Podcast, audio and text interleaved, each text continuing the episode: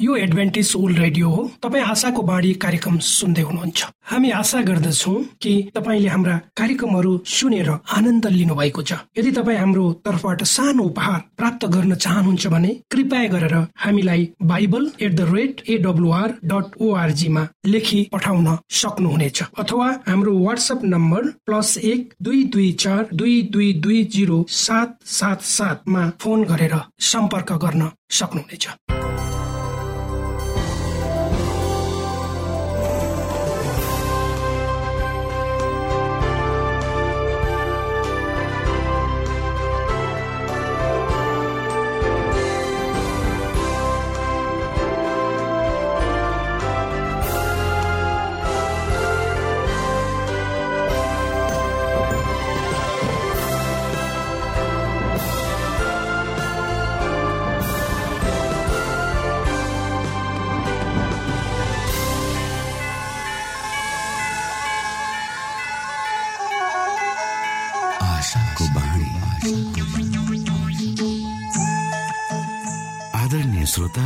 नमस्कार। यो समय तपाईँ एडभेन्टिस्ट ओल्ड रेडियोको प्रस्तुति भोइस अफ होप आशाको बाणी कार्यक्रम सुन्दै हुनुहुन्छ।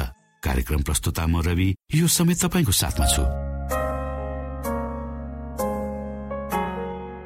आफ्ना प्यारा श्रोताहरूको न्यानो माया र धेरै उत्साह दिने सकारात्मक प्रतिक्रियाहरूको सङ्गालो साथै लिएर आशाको बाणी कार्यक्रम डाँडा काँडा गाउँ बेसी हिमाल मधेस सुन्दर नेपालको सबै नेपालीलाई अनि मातृभाषा नेपाली बोल्ने अनि बुझ्ने प्रवासी नेपाली माझ पनि एउटा मन पर्ने कार्यक्रमको संज्ञाका साथ अगाडि बढिरहेको छ। हरेक दिनको कार्यक्रमहरू नयाँ र विशेष आत्मिकी बनाउनु हरेक श्रोताको चाहनालाई समेट्ने प्रयास गर्नु र तपाईँ सबैलाई हाम्रो मुक्तिदाता को हुनुहुन्छ भनी परिचय गराउनु हाम्रो उद्देश्य हो। यसमा तपाईँले हामीलाई साथ दिनुभएको छ। यसको लागि तपाईँलाई हामी धेरै धेरै धन्यवाद दिन चाहन्छौ। परमेश्वरको नामको महिमा होस्। आज पनि हामी बाइबलबाट शिक्षाप्रद सन्देशहरू सुन्नेछौँ।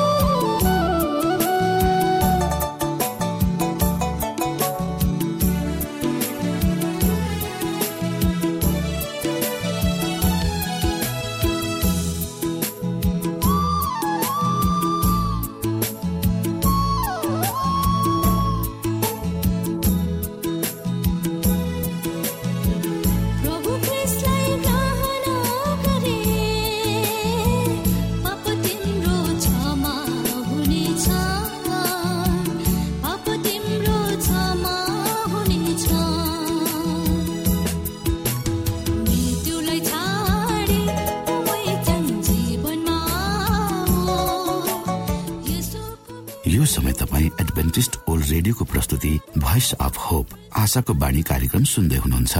श्रोता मित्र यो समय हामी पास्टर उमेश पोखरेलबाट आजको बाइबल सन्देश सुन्नेछौ।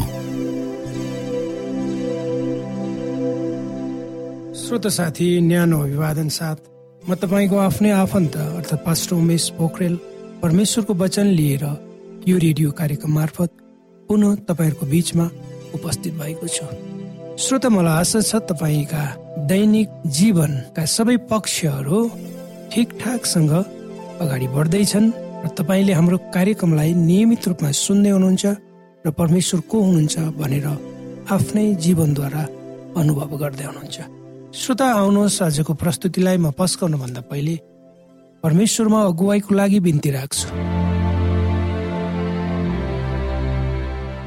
जीवी जिउँदो महान दयालु परमेश्वर प्रभु यो कार्यक्रमलाई म तपाईँको चरणमा राख्दछु। यसलाई तपाईँले तपाईँको राज्य र महिमाको प्रचारको खातिर तपाईँले चलाउनुहोस्। र धेरै मानिसहरू जो अन्धकारमा आफ्नो जीवनको अर्थ नबुझेर व्यर्थमा जीवन खेरा फालिरहेका छन् उनीहरूलाई तपाईँको ज्योतिमा डोर्याउनुहोस्। सबै बिन्ती प्रभु यीशुको नाममा। आमेन। श्रोत साथी आज मेरो प्रस्तुतिको शीर्षक छ यो संसारको अन्त्य कति छिटो हुँदैछ। अर्थात् संसारको घटनाक्रमलाई हामीले हेऱ्यौँ भने मित्र हामी सहजै अनुमान लगाउन सक्छौँ र बुझ्न सक्छौँ। यो पृथ्वी ठिकठाकसँग अगाडि बढिरहेको छैन र संसार अन्त्यतिर द्रुततर गतिमा अगाडि बढ्दै गएको हामी सबैलाई भान हुन्छ। र आज सबै धर्म मान्ने मानिसहरूको एउटा विचार छ त्यो विचारमा कम से कम सबै मानिसहरू सहमत भए जस्तो मलाई लाग्छ। त्यो हो संसारको अन्त्य। हामी मध्ये धेरै जसोलाई हाम्रो आफ्नै भविष्य कस्तो हुन्छ? अर्थात् हाम्रो मात्र भविष्य होइन हाम्रो आउने सन्ततिको भविष्य कस्तो हुन्छ भन्ने स्वाभाविक चिन्ता हुन्छ। अर्थात् भोलि आउने दिन आजभन्दा राम्रो हुन्छ भन्ने आशामा हामी सबै बसेका हुन्छौँ स्वभावैले। र हामी जहाँ छौँ जहाँ खडा छौँ जहाँ उभिएका छौँ त्यो ठाउँबाट हामीलाई नयाँ ठाउँ पर पर क्षितिजलाई निहाल्ने अर्थात् हाम्रो आँखाले देख्न सक्नेसम्म कुरालाई हामी निहाल्छौँ पर डाँडा काँडाहरूलाई जङ्गलहरूलाई आकाशलाई। अनि हामी कल्पना गर्छौँ त्योभन्दा त्योभन्दा पछाडि के छ भन्ने कुरा हामी जान्न चाहन्छौँ? यो पनि मानवको स्वाभाविक इच्छा हो भनेर भन्दा कुनै अर्थ नलाग्ला। आज विज्ञान र प्रविधिको माध्यमले मौसममा हुने कुराहरू मौसमको बारेमा पूर्व अनुमान र प्रकृतिमा हुने विभिन्न किसिमका कुराहरूको पूर्व अनुमान मानिसहरूले गर्दछन् र अझै त्यसलाई गहिरिएर वा गहिरो रूपमा गर्ने प्रयास र प्रयत्नमा चाहिँ आजका वैज्ञानिकहरू अनुसन्धानकर्ताहरू लागेका छन्। तर भोलिको मौसम कस्तो हुन्छ भनेर आज पूर्व अनुमान गर्नुले यो संसारको जीवनचर्यामा त्यति तात्विक अर्थ भने राख्दैन जस्तो मलाई लाग्छ। श्रोता तपाईँ मेरो कुरामा सहमत हुनुहुन्छ। धेरै भविष्यका कुराहरू पूर्व अनुमानका कुराहरू आज गरिन्छन्। ती कुराहरू पुरै हुन्छन् भनेर भन्न सक्ने अवस्था पनि छैन। हामीसँग त्यो प्रविधि र त्यो किसिमको एकुरेसी भनेको त्यो पनि हामीसँग छैन। तर यो संसारको भविष्य कस्तो हुन्छ भन्ने कुरो पवित्र बाइबल धर्मशास्त्रले धेरै पहिले बताएको हामी पाउँछौँ र बाइबल धर्मशास्त्रले जुन भविष्यवाणी गरेको छ ती कुराहरू प्रमाणित भएका छन्। यसु क्रिस्ट उहाँ परमेश्वर हुनुहुन्छ। उहाँको वचन मार्फत हामीलाई भविष्यको मार्ग देखाइएको छ। र प्रभु यीशु क्रिस्ट एक विश्वसनीय पथ प्रदर्शक वा गाइड हुनुहुन्छ। र प्रभु यीशु क्रिस यो संसारमा पुनः आउँदै हुनुहुन्छ। मत्ती भन्ने पुस्तक बाइबल धर्मशास्त्र नयाँ नियमको पहिलो पुस्तकको तेइस अध्यायको उन्चालिस पदमा यसरी लेखिएको छ प्रभु यीशु क्रिसको दोस्रो आगमनको बारेमा। प्रभु यीशु भन्नुहुन्छ किनभने म तिमीहरूलाई भन्दछु परमप्रभुको नाउँमा आउने धन्यका हुन् नभनेसम्म तिमीहरूले मलाई देख्ने छैन।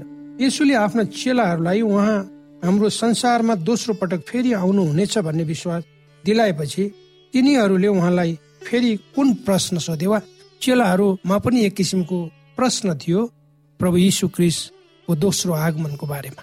र उनीहरूले भन्छन् मत्ती भन्ने पुस्तक चौबिस अध्यायको तेइसमा तब तिमीहरूलाई कसैले हेर क्रिस्ट यहाँ छन् कि त्यहाँ छन् भन्यो भने विश्वास नगर। यसरी भनिएको छ चौबिसको चौबिसमा किनकि झुटा क्रिस्टहरू झुटा अगमवक्ताहरू खडा हुनेछन् र हुन सके चुनिएकाहरूलाई पनि भड्काउनलाई ठुला ठुला चिन्ह र आश्चर्य कामहरू देखाउनेछन्। त्यसै गरेर पच्चिस पदले भन्छ याद राख मैले तिमीहरूलाई अघिबाटै भनिदिएको छु।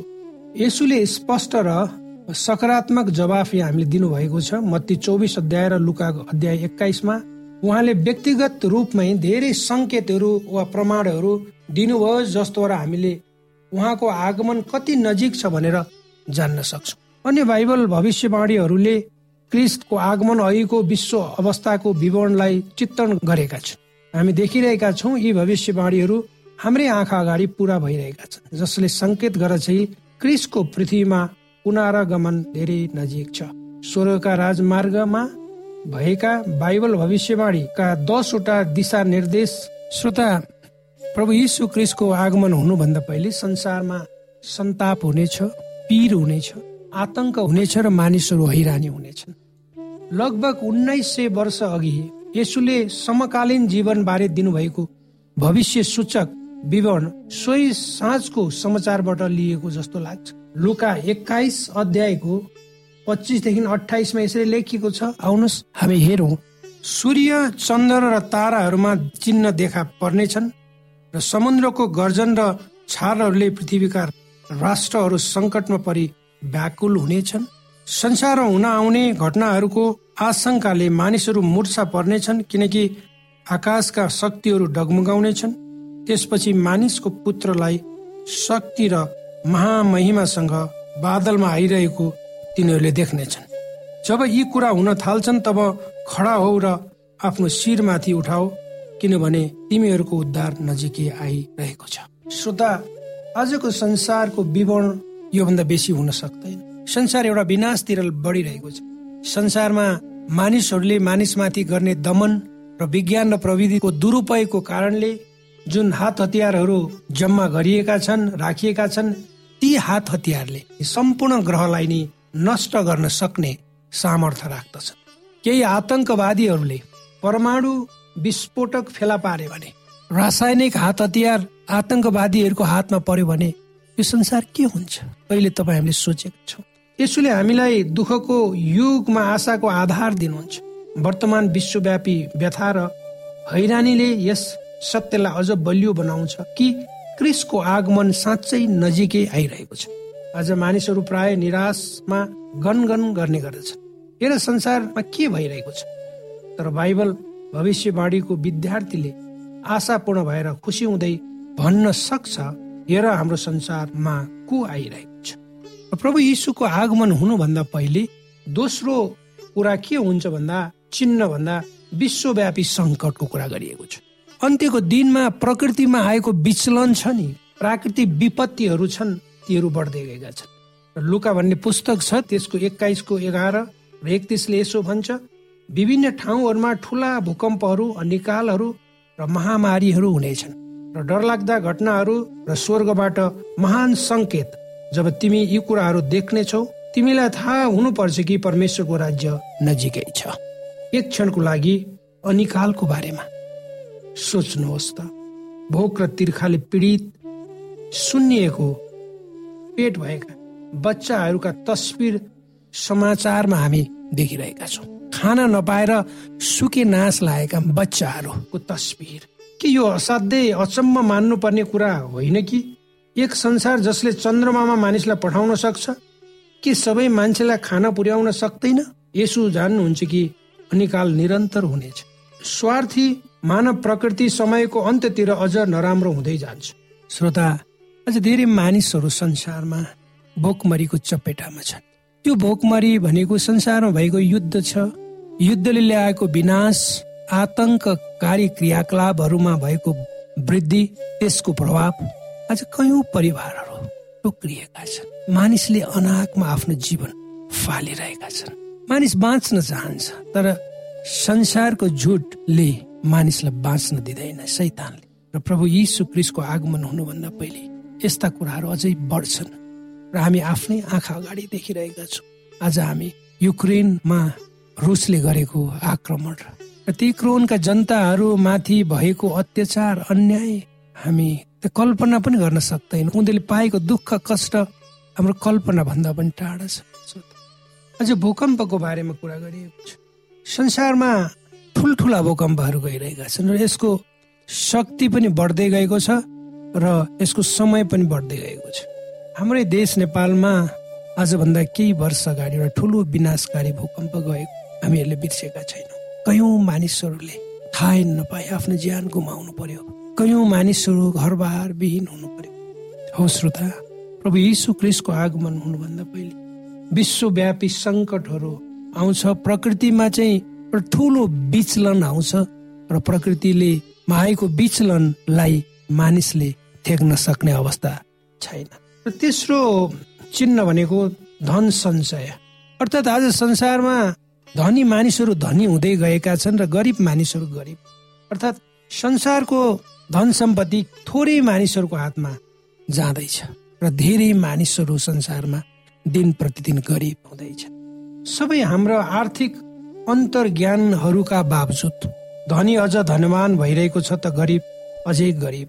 लाखौँ धन भनेको अर्थात् मानिसमा धन सञ्चय गर्ने त्यो लालसा छ नि बढिरहेको छ र मानिसहरू धनी धनी हुँदैछन् गरिब गरिब हुँदैछ त्यो पनि एउटा कारण छ एउटा चाहिँ चिन्ह हो प्रभु यीशु क्रिस आउनु समयको। र अर्को चिन्ह हामीले हेऱ्यौँ भने जनविद्रोह।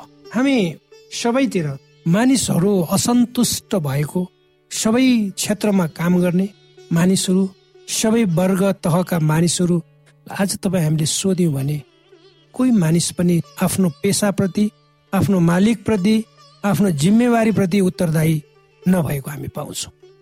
तर मानिसहरूमा एक किसिमको विद्रोहको भावना हिजोभन्दा आज र आजभन्दा भोलि बढ्दै गएको हामी सहजै अनुमान गर्न सक्छौँ। बाइबलले भन्छ हेर तिमीले आफ्ना धान काट्ने खेतलाहरूको हाजिरी तिर्न सकेनौ र तिनीहरू अहिले तिम्रो विरुद्धमा कराइरहेका छन्। धान काट्ने खेतलाहरू कामदारहरूको कराहाट सर्वशक्तिमान परमप्रभुको कानमा पुगेको छ। धैर्य गर दृढ रह किनकि प्रभुको आगमन निकट हुँदैछ। अझ मानिसहरूले मानिसहरूलाई काम लगाउँछन् ठुला बडाले साना मानिसहरूलाई काम लगाउँछन्। कतिपय मानिसहरूलाई मानिसहरू दुःख गर्छन् त्यो म्यानुअल लेबर भनिन्छ। शारीरिक परिश्रम गर्छन् कन्स्ट्रक्सनमा काम गर्छन् साइडमा तर दुःखको कुरो तिनीहरूले पाउनु पर्ने जेला छ। त्यो जेला त्यो साउले वा ठेकदारले दिँदैन खाइदिन्छ। मैले धेरै मानिसहरूलाई भेटेको छु जो मानिसहरूले दुःख कष्ट मेहनत गरेर पसिना बगाएर काम गर्छन् तर उनीहरूले पाउने जेला उनीहरूले पाउँदैनन्। त्यसपछि मानिसहरूमा एक किसिमको जनविद्रोहको भावना सृजना भइरहेको हुन्छ। अझ संसारमा हुने मानिसहरूको विरुद्धमा नहुने मानिसहरूको असन्तुष्टि स्वाभाविकै हो। श्रोता हामी जुनसुकै क्षेत्रमा पनि जनविद्रोहको एउटा गति क्रमशः बढ्दै गएको हामी अनुमान गर्न सक्छौँ। तपाईँको अवस्था के छ म जान्दिनँ श्रोता। तर तपाईँ जहाँ भए तापनि। तपाईँलाई लाग्छ तपाईँमा अन्याय भएको छ तपाईँ कुराहरू सुनिँदैनन् तपाईँ पीडित हुनुभएको छ। तपाईँले परिश्रम गर्नुहुन्छ तर त्यसको प्रतिफल अरूले खान्छ। तपाईँ आवाज विहीन हुनुहुन्छ। कहिलेकाहीँ तपाईँ एक्लै बसेर रुनुहुन्छ। तपाईँलाई दिक्क लाग्छ जीवन व्यर्थ लाग्छ। यदि तपाईँ त्यो अवस्थामा हुनुहुन्छ तपाईँ चिन्ता नगर्नुहोस् श्रोता तपाईँले आफ्नो आफूलाई जहाँ हुनुहुन्छ त्यही समय परमेश्वरलाई समर्पित गरिदिनुहोस् परमेश्वरलाई पुकार्नुहोस् र आफ्ना बिन्तीहरू आफ्ना समस्याहरू आफ्ना चिन्ता फिक्रीहरू परमेश्वरमा राख्नुहोस्। परमेश्वरले तपाईँका बोझहरू तपाईँका समस्याहरू तपाईँबाट आफूले लिनुहुनेछ र तपाईँले शान्ति पाउनुहुनेछ। परमेश्वरले यी वचनहरूद्वारा तपाईँलाई आशिष दिउन्। आमेन। श्रोता भर्खरै यहाँले पास्टर उमेश पोखरेलबाट बाइबल वचन सुन्नुभयो। यो समय तपाईँ एडभेन्टिस्ट ओल्ड रेडियोको प्रस्तुति भोइस अफ होप आशाको बाणी कार्यक्रम सुन्दै हुनुहुन्छ। कार्यक्रम सुनेर बस्नुहुने सबै श्रोतालाई हामी हाम्रो कार्यक्रममा स्वागत गर्न चाहन्छौ। श्रोता मित्र यदि तपाईँ जीवनदेखि हरेस खानु भएको छ तपाईँका जीवनमा धेरै अनुत्तरित प्रश्नहरू छन् भने आउनुहोस् हामी तपाईँलाई परमेश्वरको ज्योतिमा डोहोऱ्याउन चाहन्छौ। र तपाईँ आफ्नो जीवनका चिन्ता फिक्रीबाट निश्चिन्त हुनुहोस् र बाँच्नुको आनन्द परमेश्वरको सामिप्यमा कति मिठो हुन्छ त्यो चाख्नुहोस् भनी हामी चाहन्छौँ। श्रोता यदि तपाईँ आशाको बाणी कार्यक्रमलाई अनलाइन सुन्न चाहनुहुन्छ वा डाउनलोड गर्न चाहनुहुन्छ भने जानुहोस्। त्यहाँ तपाईँले प्रत्येक दिनको कार्यक्रम सुन्न र डाउनलोड गर्न सक्नुहुनेछ। हाम्रो वेब पेज यस प्रकार छ।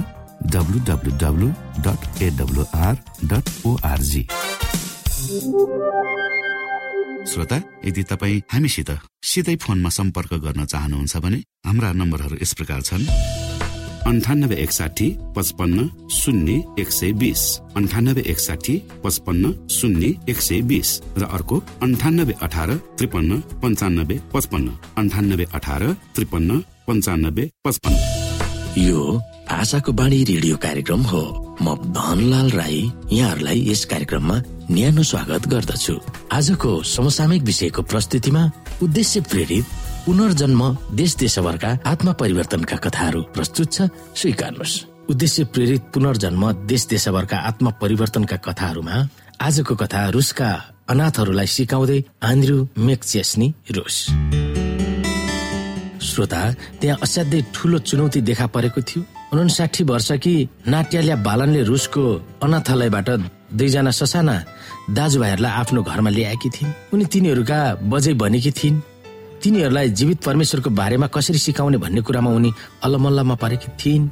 दस वर्षको दानियल र उसको नौ वर्षको भाइ निकितालाई जडिया बाबुले मर्ने गरी पिट्थ्यो बाबुको दुर्व्यवहार सहन नसक्ने भएकोले कसैले तिनीहरूलाई रुसको एउटा अनाथालयमा राखिदिएका थिए। तिनीहरूको आमाको मृत्यु भइसकेको थियो। नाट्याल्याको श्रीमान याको अवकाश प्राप्त सेभेन एडभेन्टिस पास्टर थिए। तिनीहरूले ती बालकहरूलाई धर्मपुत्र पाल्न आफ्नो घर ओभरलेन्समा ल्याएका थिए। चार हजार छ सय जनसङ्ख्या भएको यो सहर रुसको राजधानी मस्को दक्षिण भागमा पर्दछ। यो मस्कोबाट सत्तरी माइल वा एक सौ पन्ध्र किलोमिटर टाढा पर्दछ। प्रत्येक एडभान्टेजले टुहुरालाई पाल्नुपर्छ भन्ने एडभान्टेज चर्चको सह स्थापिका एलएनजी व्हाइटले गरेको अनुरोधबाट प्रभावित भएर तिनीहरूले ती टुहुरा बालकहरूलाई घरमा ल्याएका थिए। बाबुआमा बनेका योकोप र नाटालियाले परमेश्वरसँग भित्री मनदेखि प्रार्थना गरे कि तिनीहरूको जीवनमा परमेश्वर प्रकट हुन्। एक दिनको कुरा हो उनीहरूको जीवनमा अप्रिय घटना घट्यो। दानियल र निकिटासँग दुईवटा पुराना साइकल थिए। एउटा दयालु छिमेकीले ती साइकलहरू तिनीहरूलाई दिएका थिए। ती केटाहरू साइकल चढ्न असाध्यै मन पराउँथे तर साइकल लिफ्टबाट सात तला माथि रहेको कोठामा लान भने ती केटाहरू मन पराउँदैनथे। ती साइकल पहिलो तलाकै भर्याङ र राखिन्थ्यो। बुबाले तिनीहरूलाई त्यसो नगर्नु भनी सुझाव दिएका थिए तर तिनीहरूले बाबुको कुरा सुनेनन्। एक दिन तिनीहरूको साइकल हरायो त्यसपछि ती केटाहरू बेसरी रहे परमेश्वरसँग सहायताको निम्ति प्रार्थना गरौँ आमा नाटाल्याले भनिन्। बिहानको आराधनामा उनले प्रार्थना गरिन् हे प्यारो प्रभु साइकल चोर्ने केटाहरूलाई ती साइकल फर्काउन मद्दत गर्नुहोस्। अनि केटाहरूले पनि प्रार्थना गरे। तिनीहरू रहेको गाउँमा केवल एउटा मात्र स्कुल थियो। स्कुलकै केटाहरूले ती साइकल चोरेको हुनुपर्छ भन्ने आमालाई लागेको थियो। उनी त्यही स्कुलमा गइन् र हेडमास्टरको अनुमति लिएर उनले त्यो सूचना स्कुलका भित्ताहरूमा टाँसिन्। त्यस स्कुलका केही केटाहरूले आमा बाबु नभएका दुईजना दाजुभाइका साइकलहरू चोरिएका छन्। कृपया ती साइकल फर्काइदिनुहोस्। तिन दिनसम्म बिहान बेलुकै ती आमा र दाजुभाइहरूले प्रार्थना गरि नै रहे। अनि कसैले तलबाट घन्टी बजायो एकजना पुरुषले तल आएर साइकल लान बोलाए। जब आमा तल आउनुभयो तब एकजना अपरिचित मानिसले नयाँ र महँगो बाइसाइकल हातले समातिरहेको उनले देखिन्। जब एक कक्षा पढ्ने मेरो छोरालाई लिएर म स्कुलमा गएँ तब मैले तपाईँको सूचना पढेँ। मेरो छोरा अहिले सानै छ। त्यसकारण यो साइकल तपाईँलाई नै दिने निर्णय गरे। कृपया लिनुहोस् उनले भने। दाजु धानीले त्यो ठुलो साइकल पायो र त्यस दिन बेलुका प्रभु यस्तो राम्रो साइकल दिनुभएकोमा तपाईँलाई धेरै धेरै धन्यवाद छ भनेर उसले प्रार्थना गर्यो। निकिता पनि खुसी नै थियो। तर आफ्नो पनि साइकल भइदिएको भए हुन्थ्यो भन्ने उसले चाहेको थियो। आमाले भनिन् लो यसको निम्ति पनि प्रार्थना गरौँ। निकिताले पनि साइकल पाओस् भनेर ती परिवारले धेरै दिनसम्म प्रार्थना गरे। एक दिन बिहान तलबाट फेरि घन्टी बजाएर कसैले बोलाएको तिनीहरूले सुने। तल आउनुहोस् र साइकल लिनुहोस्। आमा तल आउँदा त कहिले नचिनेको मानिसले अर्को महँगो साइकल पो ल्याएको रहेछ। आफ्नो एक कक्षामा पढ्ने छोरोको निम्ति त्यो साइकल ठुलो भएकोले त्यो उपहार दिन ल्याएको भनेर त्यस मानिसले भन्यो। निकिताको खुसीको सीमा नै रहेन। हाम्रो प्रार्थनाहरू सुन्नु भएकोमा परमेश्वरलाई धेरै धेरै धन्यवाद दिन चाहन्छु। मेरा छोराहरूले पनि परमेश्वरलाई चिन्न सकुन् भनी म प्रार्थना गर्दछु। नाटेल्याले यी लेखकलाई सुनाए।